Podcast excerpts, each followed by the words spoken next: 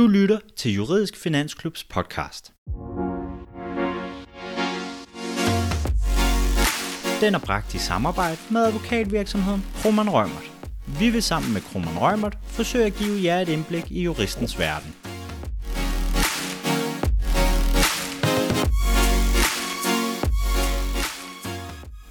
Den lille havfru er et eventyr, en tegnefilm, en statue og måske endda et nationalsymbol.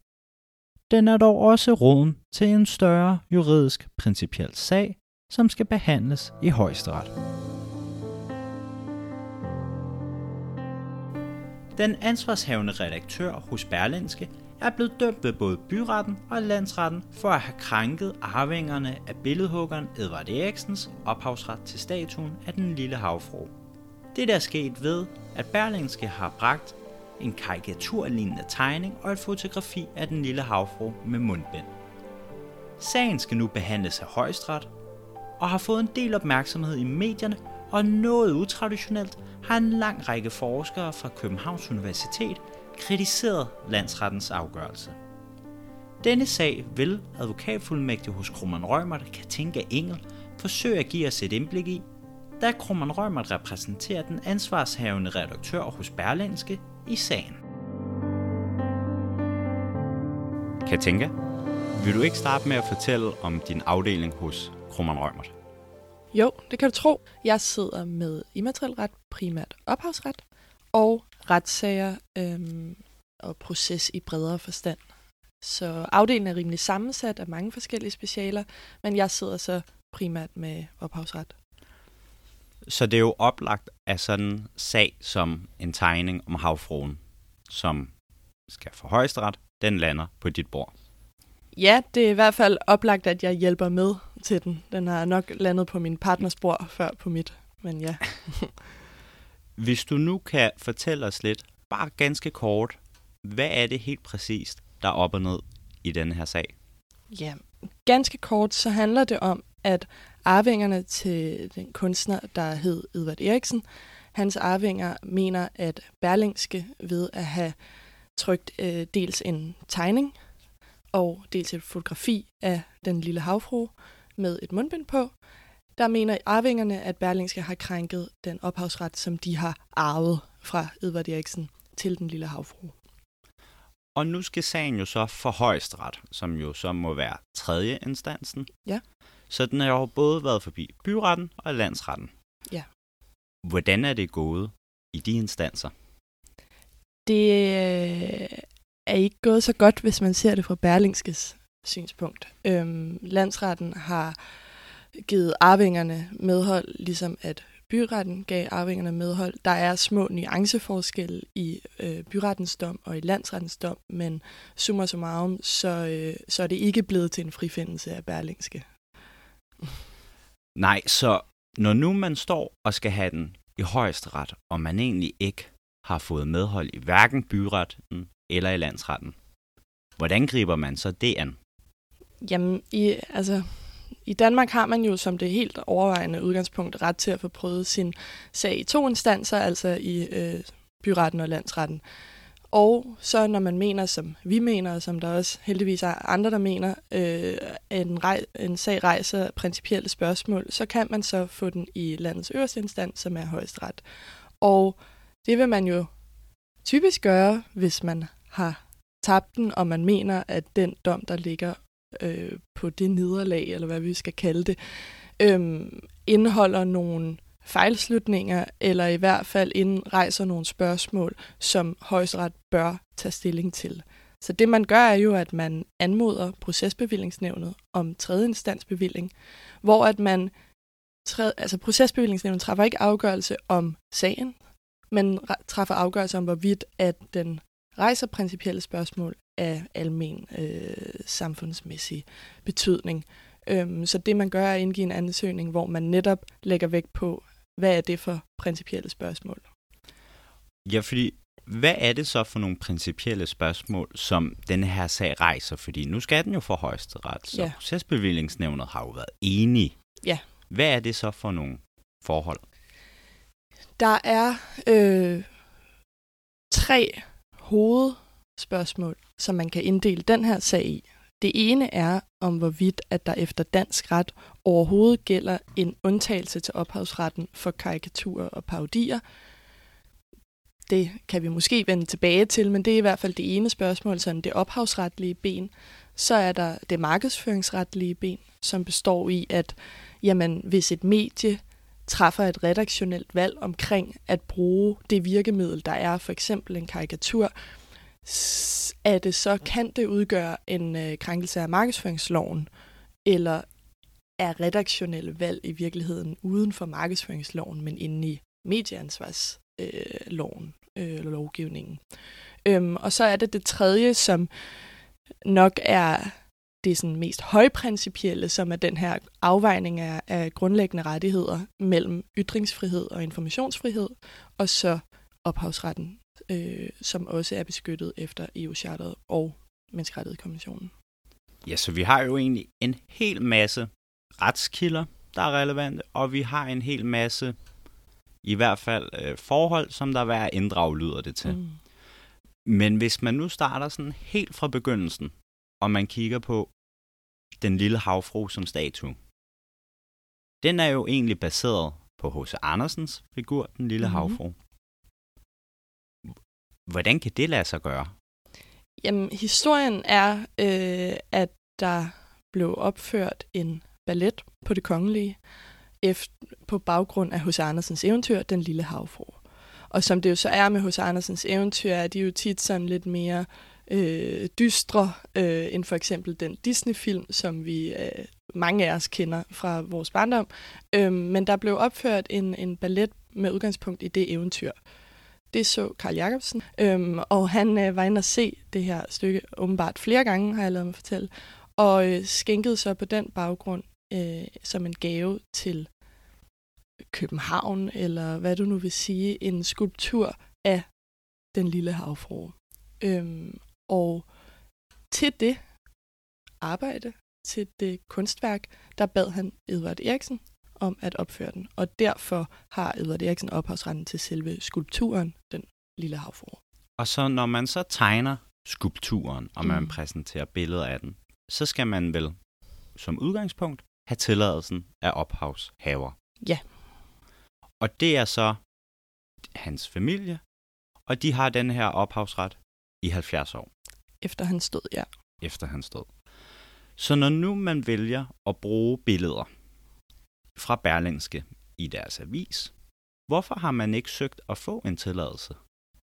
Mm, jeg skal ikke kunne sige præcist, hvorfor man ikke har gået ud forudgående og, og spurgt om det, men det, der jo især nok har været resonemanget for Berlingske i den her konkrete situation, men som også kunne være det for mange andre medier, er, at den tegning og det fotografi, man har gengivet, har været inden for rammerne af, hvad man som medie kan gengive, og at det er et øh, lovligt virkemiddel øh, at lave en karikaturtegning, fordi at det har været fast antaget i mange år i Danmark, at det kan man godt. Nu siger du selv, at det har været fast antaget. Vil du prøve at uddybe det lidt? Ja, det vil jeg gerne. Øhm, der, hvor at Østerlandsretsdom, som vi sidder og taler om nu, og som skal for højesteret, adskiller sig fra det, der har været, nu kalder jeg det fast antaget, men også det, som man som studerende, jeg i hvert fald også selv har set i lærebøger, øh, altid, så længe jeg kan huske i hvert fald, er, at der har været en ulovbestemt undtagelse for parodier og karikaturer efter dansk ophavsret. Så det vil sige, at du faktisk har en undtagelse, hvis at det ellers opfylder betingelserne for at være en parodi eller en karikatur. Det kan man spore øh, 100 år tilbage i diverse retskilder, øhm, og det er i øvrigt så sent som sidste år, hvor man lavede en ændring af ophavsretsloven, fordi man implementerede nogle nye bestemmelser. Øh, der er det gentaget af Kulturministeriet, at det er den opfattelse, der er, i hvert fald i Kulturministeriet. Østre Landsret er så af en anden øh, opfattelse. Så øhm, ja. Så når nu det er antaget af litteratur, af professorer, som underviser studerende, mm. af lovgiver, hvordan kan det så være, at landsretten fandt, at der ikke var den her undtagelse? landsretten hæfter sig ved, at man, og nu, ja, nu bliver det også lidt teknisk, men at der er jo det her EU-direktiv, som hedder Infosoc-direktivet, eller bliver kaldt det, hvor at der var en række undtagelser, som medlemsstaterne kunne vælge at indføre. Nogle af dem var også obligatoriske, men blandt andet den her for øh, karikaturer og parodier var valgfri. Øh, det blev implementeret i Danmark i 2002, og i de forarbejder, der var på det tidspunkt, der er der en passage omkring, at man ikke vælger at gøre brug af øh, parodiundtagelsen, eller hjemlen til at øh, lave en parodiundtagelse. Det forstår Østerlandsret så, og det er også det, der bliver det udslagsgivende for, for resultatet, som jo er, at der ikke er en parodiundtagelse lige nu. Øhm, det, de hæfter sig ved, er, at man netop ikke implementerede den her undtagelse fra Infosoc. Der er Berlingske synspunkt, og også det synspunkt, som bliver støttet af flere andre professorer, øhm, det er, at jamen, det skal ikke forstås som om, man ikke i Danmark vil have en parodiundtagelse. Det skal forstås som om, den allerede var der, og derfor at det vil have været dobbeltkonfekt at implementere den. Så når nu det er, at I skal til at overbevise højesteret om, at landsretten har taget fejl, hvad er det så, der bliver afgørende for især jeres arbejde? Jamen, det fungerer jo sådan, at når det er en ankesag, og det gælder for så vidt både, når det er i anden øh, instans og, og for højesteret, jamen så gentager man automatisk det, der egentlig tidligere er blevet gjort gældende. Så det er klart, at vores opgave på nuværende tidspunkt ligger i, at nu hvor at øh, procesbevillingsnævnet har, har givet den her tredje instansbevilling, jamen så ligger vores opgave i at virkelig prøve at få frem, hvorfor er Østerlandsrets dom forkert i Berlingskes optik, og også få nogle yderligere momenter ind i de her principielle spørgsmål, som jo er, bliver rejst ved dommen. Øhm, og det, øh, det er en opgave om at prøve at finde noget nyt, men også understøtte den argumentation, som vi tidligere har haft fremme. Hvis nu højesteret, de så beslutter sig for og stadfæste landsrettens afgørelse, hvilken betydning vil det så få? Jamen, det vil jo få den betydning, at mediernes frihed, ytringsfrihed, pressefrihed vil blive indskrænket i forhold til brugen af satire og parodier som virkemidler. Og så kan man tænke, Nå, men er det ikke måske lidt ligegyldigt, om medierne kan lave grin med et eller andet. Men der tror jeg, at det er rigtig væsentligt at have en mente, at man i Danmark har en langvarig tradition for at bruge satire og parodier som virkemidler i at kommunikere emner af væsentlig politisk øh, betydning. Og det er jo også det, som Berlingske har gjort i de her. Det er jo blevet brugt i forbindelse med et folketingsvalg øh, og debatkulturen i Danmark, og så er det blevet brugt i forbindelse med formidling Øh, et emne omkring coronapandemien. Øhm, så jeg tror, man skal huske dels det her med, at man altså har en ret særlig dansk tradition for at bruge det her virkemiddel. Og så er det andet, er, at du jo, hvis at højesteret stadfæster dommen, vil have en situation, hvor at du ikke kan bruge øh, den lille havfru som et nationalt symbol for Danmark. Det er jo det, som er blevet gjort i den her øh, til sag. Ja. Så en statue, som vi alle genkender, mm-hmm. og som turister tager til landet for at besøge, kan vi ikke længere bruge i medierne til at fremhæve, hvad der er dansk? Nej. Hvis man så i stedet som medie skal til at afbilde noget, jamen så må man så selv skabe sin egen ting. Mm-hmm. Men så får man ikke den genkendelighed hos læseren, som den lille havfru har. Mm. Men man kan jo så spørge sig selv, når nu det er, at nogen har retten til statuen, er det så ikke fair ikke at kunne udnytte deres arbejde for at få læsere og for at få opmærksomhed? Selvfølgelig skal enrettigheder øh, beskyttes og håndhæves. Det er derfor, vi har dem. Det er derfor, vi har indført dem. Og der, hvor jeg tror, at man bliver nødt til at huske på, er, at det at Berlingske for eksempel, eller et andet medie, bruger havfruen, eller den lille havfrue, som en karikaturtegning, jamen det er jo netop fordi, at det her, den her skulptur er et enestående eksempel på et værk, der er gået over og blevet mere end det værk, men som er blevet et nationalt symbol. Og derfor så bliver det rigtig vigtigt også at tænke ophavsretten over for ytringsfriheden ind i, jamen, hvor går grænserne, eller hvor bør grænserne gå for ophavsret i virkeligheden? Fordi det er en grundrettighed, men det er ytrings- og informationsfriheden også, og ingen af de grundrettigheder er absolute. Så man bør nok, synes jeg i hvert fald, tænke ud fra den her sag, at jamen, der er også nogle normative betragtninger i forhold til, jamen, hvad er det for en afvejning, vi bør have, når man har at gøre med sådan et værk. Og der er jo ikke særlig mange af den her type værker, men Den Lille Havfru er jo et af dem.